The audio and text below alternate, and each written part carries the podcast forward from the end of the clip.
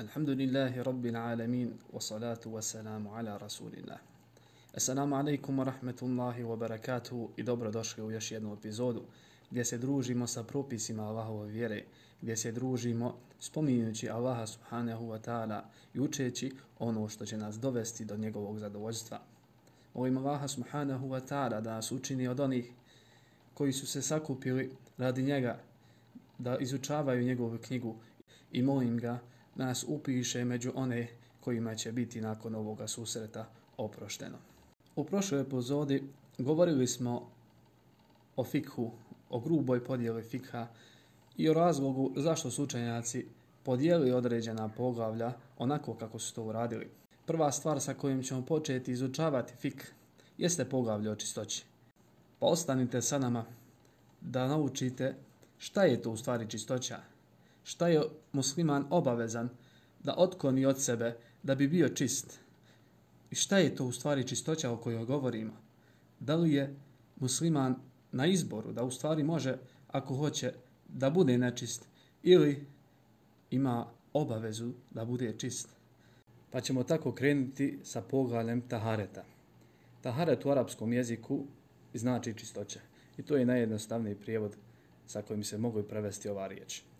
Ali mi kada govorimo o čistoći koja je uslov za ispravnost namaza, ne govorimo samo o jezičkom značenju te riječi, nego govorimo o značenju koje je šerijat dao ovoj riječi, riječi taharet čistoća, i da je to ona čistoća koja je uslov za namaz. Moramo se vratiti i da vidimo koje je to značenje koje je šerija dao ovoj riječi, pa da shodno tome razumijemo koja je to čistoća koja je uslov za ispravnost namaza. Prije nego što krenemo da pojasnimo šta je u stvari čistoća koja je uslov za namaz, bitno je da napomenemo jednu veoma bitnu podijelu čistoće, a to je unutarnja i vanjska čistoća. Unutarnja čistoća zbog svoje bitnosti je tematika na koju musliman mora obratiti pažnju a to je u stvari čistoća srca, da bude čisto od svega onog što Allah subhanahu wa ta'ala ne voli, da bude čista od grijeha, od širka, od kufra, od nifaka, od zavisti i od svega drugoga što Allah subhanahu wa ta'ala ne voli da vidi u srcu svoga roba.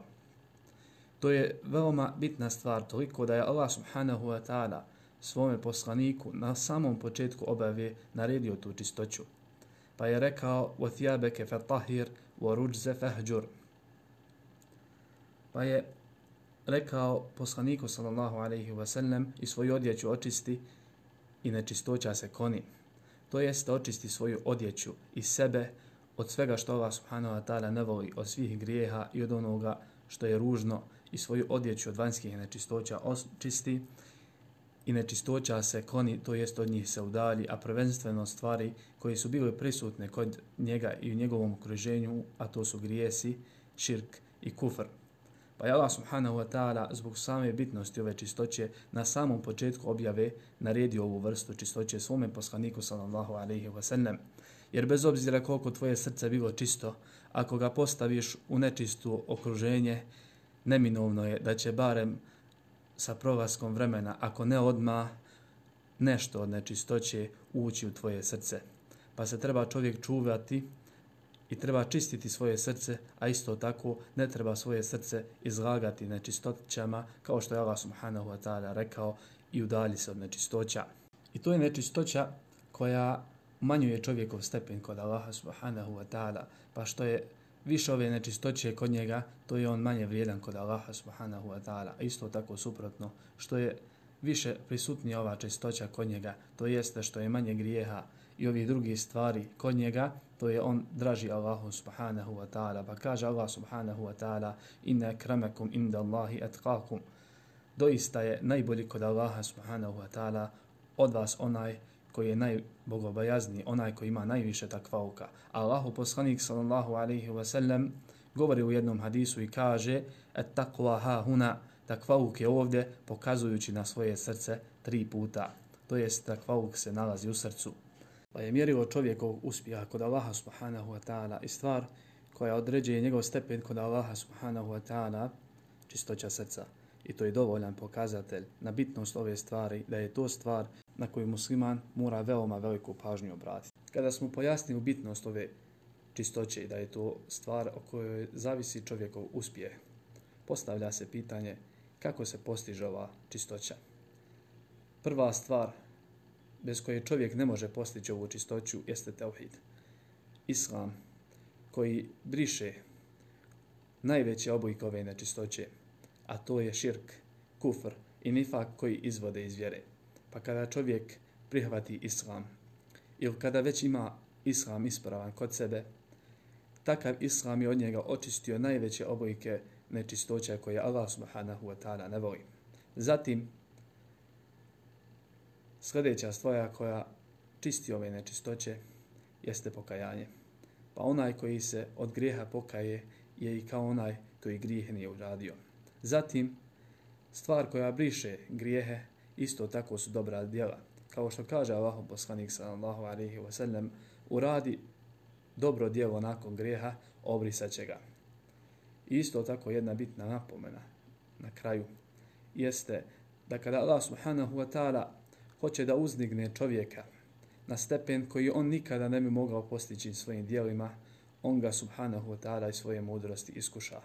Pa ga zbog sabura i strpljivosti u tom iskušenju uzdigne na stepene i obriše mu grijehe koje nikad on stepene ne bi mogao postići svojim dijelima. Pa je to da Allahove mudrosti i milosti prema svome robu kada bi samo razumjeli. Molim Allah subhanahu wa ta'ala da nam podari strpljenja prilikom njegovih sušenja i da nam podari zadovoljstvo nakon što se desi odredba. Jer treba da znamo kao što ne priliči da čovjek musliman da se kreće i živi na ovom svijetu, a njegovo tijelo prljavo i neuredno, isto tako ne priliči i još više ne priliči da čovjek živi na ovom svijetu, a njegove srce neuredno. Pa kao što svoje tijelo pregledavaš i motriš da li će, da li će neka nečistoća doći do njega, pa požuriš da je otkloniš isto tako i sa još više brige, motri na svoje srce, da li će neka nečistoća doći na njega da bi požurio da ga otkoniš, da ne bi ta nečistoća se proširila i uzrokovala mnogo veću štetu nego kada bi je odma ugledao i otklonio. Pa molim Allaha subhanahu wa ta'ala nam očisti naša srca i da učvrsti naša srca na njegove vjeri i pokornost njemu subhanahu wa ta'ala. Jer ako nas je stid da izađemo pred ljude prljave odjeće i prljavog tijela, onda nas treba još više da bude stid da izađemo pred Allaha subhanahu wa ta'ala prljavog srca. Jer je tijelo i vanjski izgled ono što ljudi gledaju. Dok ono što Allah subhanahu wa ta'ala gleda i ono po čemu vrijednuje ljude jeste njihova srca i njihova djela. Pa što su naša srca i naša djela bolja, to smo kod Allaha subhanahu wa ta'ala bolji. I na kraju, bitna stvar za pomenuti, kada govorimo o ovoj unutrašnjoj čistoći u kontekstu namaza, treba znati da ova čistoća, sve dok je osoba musliman, nije uslov za ispravnost namaza. Od stvari koje spadaju u ovu nečistoću jeste širk, kufr i nifak koji izvode iz islama. U tom slučaju, kada dođe do te nečistoće, onda je to nečistoća s kojom nisu ispravni ibadeti, pa s kojom nije ispravan ni abdest ni namaz.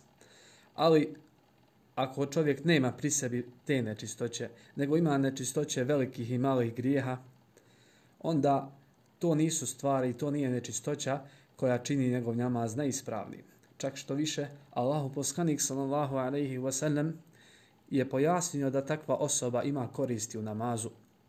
Pa je naveo primjer svojim ashabima i rekao šta mislite o čovjeku koji pred svojom kućom ima rijeku u kojoj se kupa pet puta dnevno. Šta mislite da li će nešto od njegove nečistoće ostati na tijelu? Rekli su, ne Allahov poslaniće, neće ništa ostati od njegove nečistoće.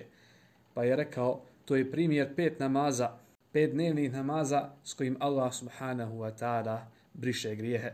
Pa vidimo da ne samo da namaz nije ispravan od griješnika, ne, nego su griješnici najpotrebniji ovog namaza i najpotrebniji da im Allah subhanahu wa ta'ala obriše njihove grijehe i približi im sebi.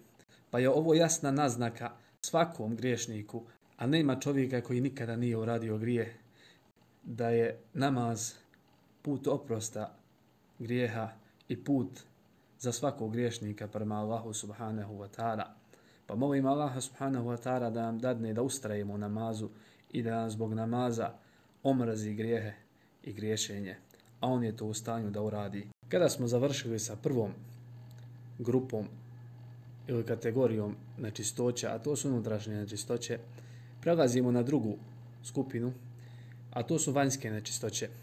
I to je u stvari ona skupina nečistoća koja se cilja u ovom poglavlju. To je skupina nečistoća koje je musliman potreban da otkloni da bi njegov namaz bio ispravan. Isto tako ova nečistoća dijeli se na dvije vrste. Prva jeste stvarna nečistoća i druga je abstraktne nečistoće. Pojasnit ćemo šta se time misli. Pa šta su stvarne nečistoće? Stvarne nečistoće jesu tijela stvarna koja dođu u kontakt sa čovjekom, njegovim tijelom, njegovom odjećom ili mjestom gdje klanja, pa je potrebno da te stvari otkloni da bi njegov namaz bio ispravan. Prva stvar, Allah subhanahu wa ta'ala nije ostavio na izbor ljudima i muslimanima da li će otklanjati ove nečistoće ili neće. Nego je Allah subhanahu wa ta'ala naredio zato što on voli čistoću i voli one koji se čiste, naredio je da muslimani moraju otklanjati ove nečistoće. I nije dozvoljeno da musliman hodi, a nešto od nečistoća ima na njegovoj odjeću. Kasnije ćemo u drugim poglavljama govoriti koje su to nečistoće koje ulaze ovo. Ali da navodimo nekoliko primjera da bi onaj koji sluša imao globalnu sliku o tome o čemu govorimo. Te stvarne nečistoće su poput mokraće, poput izmeta, poput krvi hajza, poput medija. Pojasnit ćemo šta se misli šta je medij. U pogledu rekli smo da ćemo govoriti kasnije ako Bog da. Ali okvirno to su nečistoće i još neke druge stvari koje je musliman obavezan. Nakon što one dođu u kontakt sa njegovom odjećom, njegovim tijelom, obavezan je da ih ukloni. A zabranjeno je da im ostavi takav hoda. Dokaz za to su riječi Allahu poslanika sallallahu alaihi wasallam gdje je rekao većina ljudi koja će biti kažnjavana iz ovog ummeta će biti kažnjavana zbog mokraće. To jeste, bit će kažnjavana u kaburu, došlo je u hadisu, većina ljudi koja će biti kažnjavana u kaburu bit će kažnjavana zbog mokraće. To pojašnjava drugi hadis Allahov poslanika sallallahu alaihi wasallam kada je kada je prošao pored dva kabura u kojim su se oni koji su ukopani u njima kažnjavali, pa je rekao, doista ova dvojica ne kažnjavaju se zbog onoga što je bilo teško uraditi. Ili ne kažnjavaju se zbog onoga što je veliko kod ljudi. Pa je spomenuo jednog od te dvojice koji je bio u jednom kaburu i rekao, doista ovaj nije se čuvao od mokraće kada bi mokrio. Ili nije se čistio od nje nakon što bi došao u kontakt sa njim, nakon što bi došao u kontakt sa njim, ne bi je uklonio. Pa vidimo da je Allahu poslanik, sallallahu alaihi wa sallam, rekao da se jedan od ove dvojice kažnjava u svome kaburu zato što nije se čistio od nečistoća. Iz toga izvlačimo, odnosno islamski učenjaci izvlače, da je od velikih grijeha da čovjek hoda okolo, a na njemu ima neka nečistoća, nego je obavezan da što prije shodno mogućnosti ukloni tu nečistoću sa sobom. I zato je Allah poslanik sallallahu alaihi wasallam uvijek kada bi išao, na primjer, da obavi nuždu, nosio bi sa sobom ili išao neko sa njim da mu nosi vodu, pa bi se očistio od te nečistoće ili bi koristio kamenje pri tom čišću. Govorit ćemo kasnije o načinima kako se čisti od nečistoće kada budemo govorili o nečistoći uz Allahovu pomoć. Ali je bitno da musliman zna da je obavezan da otkloni ove stvari bio u namazu ili bio van njega. A dodatno vezana stvar za namaz jeste da namaz čovjeka koji ima nešto od ovih nečistoća na svome tijelu ili na svojoj odjeći ili na mjesto gdje klanja, ako bi klanjao u tom stanju svjesno, njegov namaz bi bio neispravan. pa je obaveza da te stvari otkloni i očisti prije samog namaza. Bitno je napomenuti da se ove stvari odnosi na nečistoće koje dolaze u kontakt sa čovjekom. To jeste nečistoće koje dođu na čisto tijelo, pa je moguće ukloniti tu nečistoću i očistiti to tijelo ili predmet od nečistoće. Dok ne mislimo na stvari koje su same po sebi nečiste. Na šta mislimo? Pa mislimo, na primjer, svinja. Čitavo tijelo svinje je samo po sebi nečisto. Nemoguće je oprati njeno tijelo, njeno meso i sve što od nje dolazi. Iz toga vidimo opasnost da čovjek ima nešto od takvih stvari koje nemoguće oprati, a to učenjaci većinom spominju dvije stvari, a to je svinja i pas. Ove dvije stvari su same po sebi nečiste. Njihovo tijelo je nečisto i sve što se veže za njih je nečisto. Za njih je nečistoća vezana propisom koji se ne može odvojiti od njih. Pa je nemoguće oprati tu nečistoću. Pa zato kada govorimo o stvarima koje je obaveza otkoniti, govorimo o nečistoćama koje dođu u kontakt sa čistim tijelom, sa odjećom, sa tepihom, sa e, kožom, takve stvari se otkone. Dok stvari koje su same po sebi nečiste, ako bi čovjek obukao njih, pa bi imao, na primjer, nešto od svinske kože na sebi, njegov namaz bi bio neispravan. I nemoguće je takvu stvar oprati. Pa je to stvar koju musliman mora imati na umu. S tim da treba razumijeti da se ovdje ne misli da ako čovjek i njegovo tijelo ili njegova odjeća dođe u kontakt sa ovim stvarima, pa ga dotakne pas ili svinja, da nije moguće to oprati. Ne, ne mislimo na to. To je moguće oprati i obaveza oprati. Nego mislimo da čovjek nešto od njihovog tijela, nje, dijela njih ima na sebi. I to je stvar koja je nemoguće da se opere. I to je nemoguće da bude čisto, zato je obaveza takvih stvari se čuvati. Pa makar te stvari izgledale čiste, one u sebi nose nečistoću, kao što smo spomenuli, svinsku kožu. Makar ta stvar izgledala čista, makar se ofarbala, makar se štavila, ta stvar u sebi nosi propis nečistoće koji je nemoguće odvojiti od nje. Pa je obaveza da musliman nema na sebi takvih stvari. Druga stvar koja je potreba da se otkoni jesu abstraktne nečistoće. To je nečistoća i propis, šerijatski propis koji je šerijet dao čovjeku u stanju u kojem se nalazi da on u tom stanju ne može kanjati i ne može obavljati stvari za koje je potreban, za koje je potreban abdest. Koje su vrste ovih nečistoća? Postoje dvije vrste ove abstraktne nečistoće. I zgodno je spomenuti u ovom trenutku da učenjaci ovu abstraktnu nečistoću zovu hadeth. Kao što je došlo u hadisu Allahov poslanika sallallahu alaihi wa sallam. I to je šerijatska terminologija koja je postala značenje koje na koje se misli kada se upotrebi riječ hadeth u šarijatskoj terminologiji. Jer u jezičkom značenju hadeth znači nešto novo ili stanje koje se dogodilo nakon prethodnog stanja, znači promjena stanja ili nešto novo što je se desilo. To znači u jezič riječ hadeth. To je nešto novo. Dok u šarijatu upotrebljeno to značenje da se odnosi na novo stanje koje se promijenilo nakon što je čovjek bio u drugom stanju. Pa to drugo stanje mu onemogućava ono što je bilo u prethodnom stanju. To jeste kada čovjek ima abdest, može da klanja.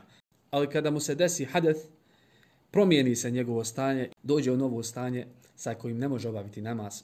I ovdje imamo jedno veliko pravilo i bitno pravilo koje onaj koji želi da se bavi izučavanjem šarijata mora poznavati, a to je kada u arapskom jeziku i u običaju imamo značenje za neku riječ. A isto tako u šerijatu imamo značenje za tu riječ. Onda kada to značenje dođe u kontekstu šerijata, obaveza je to razumijeti u kontekstu šerijata. Pa se neće ova riječ razumijeti u kontekstu arapskog jezika, nego će se razumijeti u kontekstu koju je šerijat dao u kontekstu šerijatske terminologije. I tu imamo mnogo primjera gdje samo jedan dovoljan uz Allahu pomoć da pojasnimo šta se time misli. Imamo riječ as-sala. I as-sala u arapskom jeziku znači, odnosno u šerijaskoj terminologiji, znači ono što mi zovemo namaz. Ta se riječ u nas prevozi kao namaz. To je skup određenih dijela i riječi koji počinju sa tekbirom i završavaju sa selamom. Dok u arapskom jeziku riječ je sala, njegov ovo značaj je nepoznato, nego riječ es sala u arapskom jeziku znači dova i dijela koje počinju sa tekbirom, a završavaju sa selamom.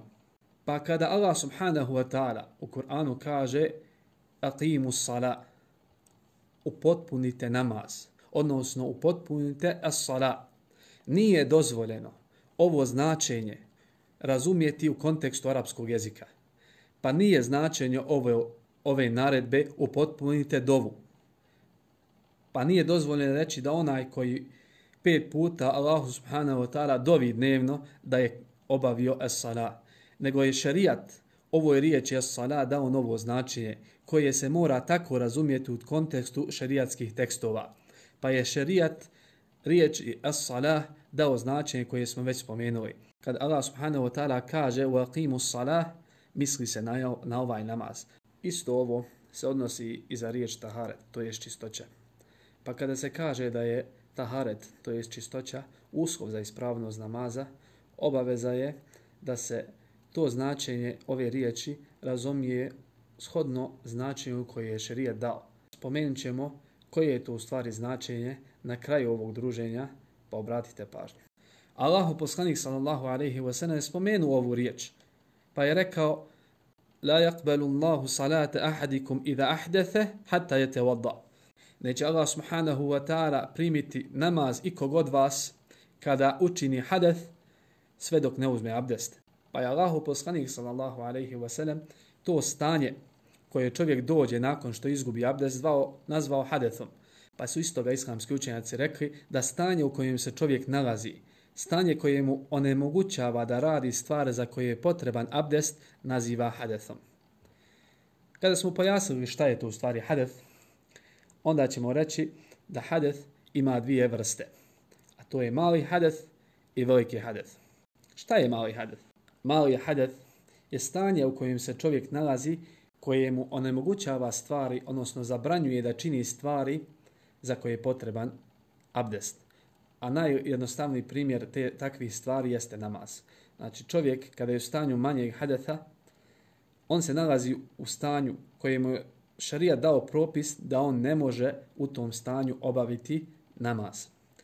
Ali je to stanje, to je abstraktna nečistoća kao što smo rekli, zato što je to stvar koja se ne vidi na čovjeku u kojem kada se nalazi nije mu dozvoljeno da obavi namaz. Kako se otklanja to stanje? To stanje se otklanja uzimanjem abdesta. A kako se dolazi u to stanje? Pa ako se otklanja uzimanjem abdesta, u to stanje se dolazi čineći ono što kvari abdest. Pa kada čovjek uradi ono što kvari abdest, on je dostao u stanje manjeg hadetha. Koji je propis tog stanja? Propis tog stanja je da ne smije raditi stvari za što je potrebno i u čemu je uslov da bude pri čistoći i da ima abdest. Druga stvar ili druga vrsta hadesa je veći ili veliki hades. Pa šta uzrokuje veliki hades?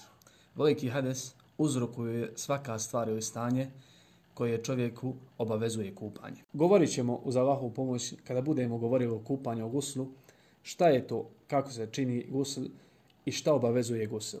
Znači, stanja ili radnje koje kada čovjek uradi i koje mu obavezuju gusl, takvo stanje i te radnje dovode ga u stanje velikog hadetha. Kako se otklanja veliki hadeth? Već smo rekli, ako je to stvar koja obavezuje kupanje, to stanje se otklanja kupanje. Koji je probis većeg hadetha? Veći hadeth zabranjuje sve stvari koje zabranjuje manji hadeth. I još druge stvari koje su dodatne na to, kao što je držanje mushafa ili ulazak u džamiju.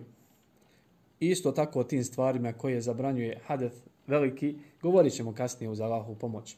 Kada smo govorili o stvarnim nečistoćama, rekli smo da je muslimanu obaveza da otkloni te nečistoće za svoga tijela i odjeće shodno mogućnosti što prije. A da li je takav slučaj sa velikim i malim hadethom? Da li je muslimanu obaveza da taj hadeth što prije otkoni? propis tog hadetha nije isti kao stvari nečistoće. Nego je pohvalno muslimanu što se tiče malog hadetha, pohvalno je da ne bude u tom stanju. Što znači, drugim riječima, da je pohvalno da bude pod abdestom.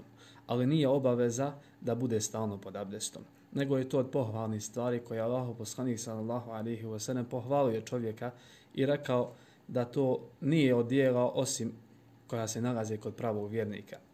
Pa je rekao da ne čuva abdest osim vjernik, jer kažu učenjaci zato što onaj ko mnogo čuva abdest, mnogo i kanja sa njim. Druga stvar, veliki hadeth, čovjeku nije isto tako obaveza da kupa se i da otkloni taj veliki hadeth, nego je i mali i veliki hadeth obaveza otkloniti zbog onoga što on dozvoljava i što nije moguće raditi osim tako. To jeste zbog namaza. Tako da je obaveza otkloniti veliki i mali hadeth zbog samog namaza koji se ne može obaviti osim da se to otkloni. Pa te stvari uzimaju propis onoga do čega vode. Tako da one nisu same po sebi obavezne, ali onda kada dođe namaz, obaveza i ne otkloniti zbog namaza. Ali je poželjno da muslima ne bude u stanju velikog hadeta, zato što ga to sprečava da čini mnoge ibadete koje Allah subhanahu wa ta'ala voli. Ali, iako nije obaveza otkloniti mali hadeth, ima jedna druga obaveza koju mnogi zanemarivaju, a to je da je musliman obavezan da otkoni mali hadeth onako kako je Allah subhanahu wa ta'ala naredio. To jeste, nije dozvoljeno da na krnjav način uzima abdest. Allahu poslanik sallallahu alaihi wa sallam je jednom bio na putu sa svojim ashabima. Pa je mu jezin zaučio i kamet, a ashabi nisu bili uzeli abdest, nisu se bili na vrijeme pripremili za namaz, pa su požurili sa svojim abdestom tako da nisu oprali zadnji dio svojih peta, pa je Allahu poslanik sallallahu alaihi wa sallam povikao visokim i glasnim glasom, da ga svi čuju وَيْلُ لِلْأَعْقَابِ مِنَ النَّارِ Kaže, teško li se a'qab od vatre. A a'qab je množina riječi aqib. To je taj zadnji dio pete i žila koja se nalazi iznad pete. Pa ashabi nisu oprali taj dio, pa je Allah poslanik sallallahu alaihi wa sallam povikao upozoravajući ih na to teško li se tom dijelu kojeg niste oprali od vatre. A pravilo kod islamskih učenjaka, ono dijelo za koje se zaprijeti džehennemskom vatrom je od velikih grijeha. Pa iako muslima nije obavezan odmah otkloniti mali hadeth, obavezan je onda kada hoće da ga otkloni, da pazi i da ga otkloni onako kako mu je Allah subhanahu wa ta'ala propisao. Jer je krnjavo uzimanje abdesta od stvari koje ga može uvesti u ovu prijetnju gdje je Allah poslanik sallallahu alaihi wa sallam time zaprijetio džehennemskom vatrom. Molim Allaha subhanahu wa ta'ala da nas sačuva i da nas poduči našoj vjeri onako kako je on zadovoljan i da nam podari da radimo po tom znanju. Imamo još nekoliko stvari na koje je bitno napomenuti. Prva stvar jeste sa čime se počinje. Šta je prva stvar koju treba čovjek otkloniti od sebe? Da li je to stvarna nečistoća ili abstraktna nečistoća? Pa prva stvar koju čovjek treba otkloniti od sebe jeste stvarna nečistoća. Dokaz za to je hadis Mejmune radijallahu ta'ala anha da je Allahu poslanik sallallahu alaihi wa sallam kada je htio da se okupa od dženabeta prvo oprao svoje ruke, zatim oprao svoje stidno mjesto. Zatim je oprao ostale stvari koje se vežu za gusulu. Pa je počeo sa stidnim mjestom da otkloni nečistoću koja se nalazi na tom mjestu, zatim je otklonio veliki hadeth. Iz toga vidimo da je propisano prvo otkloniti stvaru nečistoću, a zatim otkloniti hadeth. Druga stvar koju je bitno napomenuti jeste neke razlike koje imamo između stvarne i abstraktne nečistoće. Prva razlika jeste nijet. Stvarna nečistoća i otklanjanje stvarne nečistoće, to je čišćenje svoga tijela, odjeće ili mjesta gdje se klanja, nije stvar za koju je potreba nijet. Šta to znači? To znači da bi to čišćenje bilo ispravno i uklanjanje te stvarne nečistoće bilo ispravno, nije obavezan da to nanijeti. Kako mislimo da to nanijeti? Pa znači dovoljno je da ili ta nečistoća nestane sama po sebi, ili čak da dijete dođe i otkloni tu nečistoću, ili da padne kiša i otkloni tu nečistoću. Znači nije potrebno da čovjek cilja otklanjanje te nečistoće. Pa tako, na primjer, čovjek prolazeći putem iz kanalizacije, znajući da je to kanalizacija, padne na njega ili na njegov odjeću ta nečista voda. I dok ide putem, počne padati kiša. Pa ta kiša sapere i ispere tu nečistoću iz njegove odjeće. U tom slučaju njegova odjeća je čista i dozvoljeno je da klanja u njoj. Isto tako, ako nalazimo nečistoću na zemlji, padne kiša ili dođe poplava ili na neki način dođe voda do otkle i očisti tu nečistoću, smatramo da je to mjesto čisto i nije potrebno imati nijet za to. Dok za otklanjanje hadesa, za uzimanje abdesta i gusla, obaveza je čovjeku da ima nijet. Šta to znači da je obaveza da ima nijet kada želi da otkloni hades? Pa, na primjer, u slučaju velikog hadeta, kada je čovjek džunup i nije se odmah okupao, pa je ušao u kupatilo i umio se i oprao ruke. Zatim kaže, kada sam već ušao, mogao sam si odkupati i učiniti gusul. Pa tada opere sve stvari osim lica i ruku koje je već oprao. I u tom slučaju njegov gusul nije ispravan, zato što nije čitavo tijelo oprao sa nijetom gusula.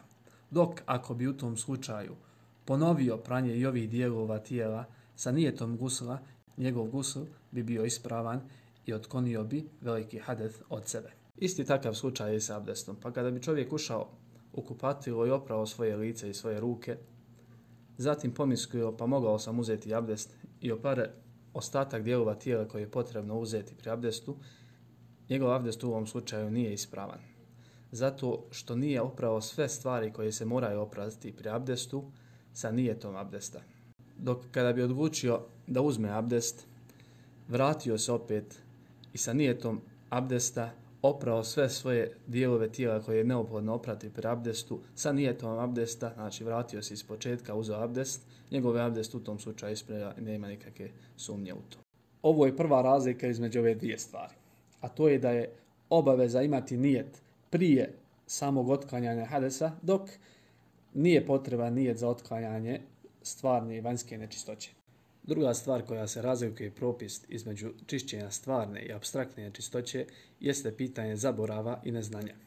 Allah subhanahu wa ta'ala je dao olakšicu muslimanima da po pitanju otklanjanja stvarne nečistoće imaju opravdanje i olakšicu da ako klanjaju u tom stanju pa su zaboravili da otklone nečistoću ili nisu je svjesni da je njihov namaz u tom slučaju ispravan.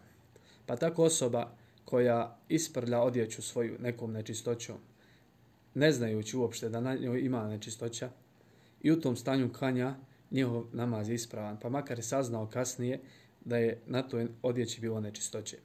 Isto tako osoba koja zna da ima nečistoće na njegovoj odjeći, ali nenamjerno zaboravi da otkloni tu nečistoću i u takvoj odjeći klanja, isto tako njegov namaz je ispravan. Kao što na to ukazuju hadisi Allahovog poslanika sallallahu alejhi ve sellem, iako je bitno napomenuti da u ovom pitanju ima razilaženja kod islamskih učenjaka. Dok kada govorimo o otklanjanju abstraktnih nečistoća, to jeste hadetha, velikog i malog, opravdanje neznanja i zaborava ne postoji. Pa tako kada bi osoba koja je džunup, koja bi zaboravila da je džunup i zaboravila da se okupa, a džunup je stanje velikog hadetha, i u tom stanju i zaborava klanjala bi nekoliko dana namaze, uzimajući za svaki namaz abdest. Iako abdest ne može otkloniti veliki hadeth, ali zaborav u tom stanju i u toj situaciji nije opravdanje. Pa bi bila obavezna kada se sjeti da je klanjala namaze sa velikim hadethom, da se okupa i da ponovi te namaze. Tako da veliki hadeth i mali hadeth, neznanje u njima nije opravdanje i namaz koji se klanja bez abdesta i u stanju velikog hadeta nije ispravan i obaveza je na, naklanjati te namaze. I ovo su dvije razlike koje imamo između stvarne i abstraktne nečistoće i propisa njihove otklanjanja, a to je nijet i zaborav. Iz ovoga što smo rekli, možemo zaključiti da je taharet koji je uslov za namaz jeste otklanjanje stvari nečistoće sa svoga tijela, odjeće i mjesta gdje se kanja i otklanjanje velikog i malog hadeta. Sada kada smo pojasnili šta je to čega se musliman mora očistiti da bi njegov namaz bio ispravan, u sljedećem druženju uz Allahovu pomoć govorit ćemo šta je to čime se musliman čisti, to jest govorit ćemo o vodi i propisima koje se vežu za vodu. Pa inša Allahu ta'ala čujemo se opet.